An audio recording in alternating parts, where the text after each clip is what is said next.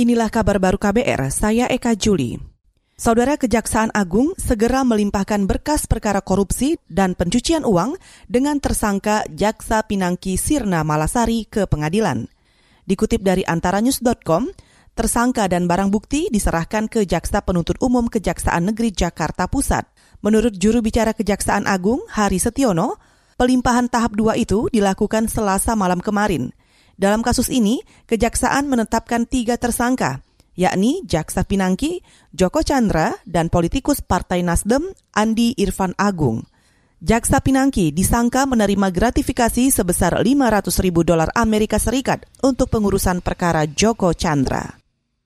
Pertumbuhan ekonomi Indonesia di kuartal ketiga, di kuartal tiga diproyeksi berada di kisaran 0 hingga minus 2,1 persen. Menteri Keuangan Sri Mulyani mengatakan, Kontraksi ini beresiko lebih dalam akibat penerapan kembali pembatasan sosial berskala besar atau PSBB di Jakarta. Ini lantaran ekonomi ibu kota berkontribusi besar, yakni lebih dari 17 persen terhadap produk domestik bruto nasional.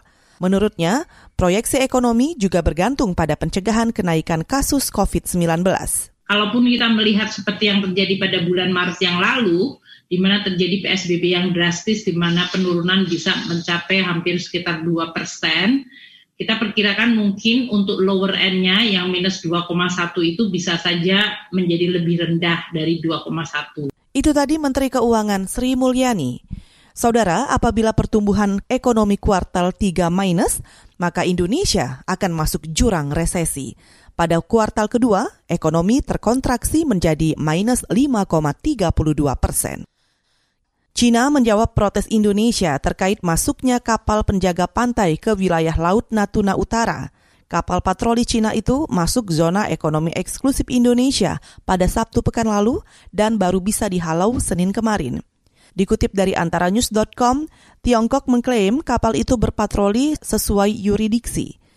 Juru bicara Kementerian Luar Negeri Cina, Wang Wenbin mengatakan, mereka memiliki hak dan kepentingan di perairan yang masuk wilayahnya. Konflik itu dipicu klaim Cina tentang sembilan garis putus-putus yang mencakup perairan di lepas Kepulauan Natuna. Panel Arbitrasi Internasional dan Indonesia tidak mengakui klaim itu.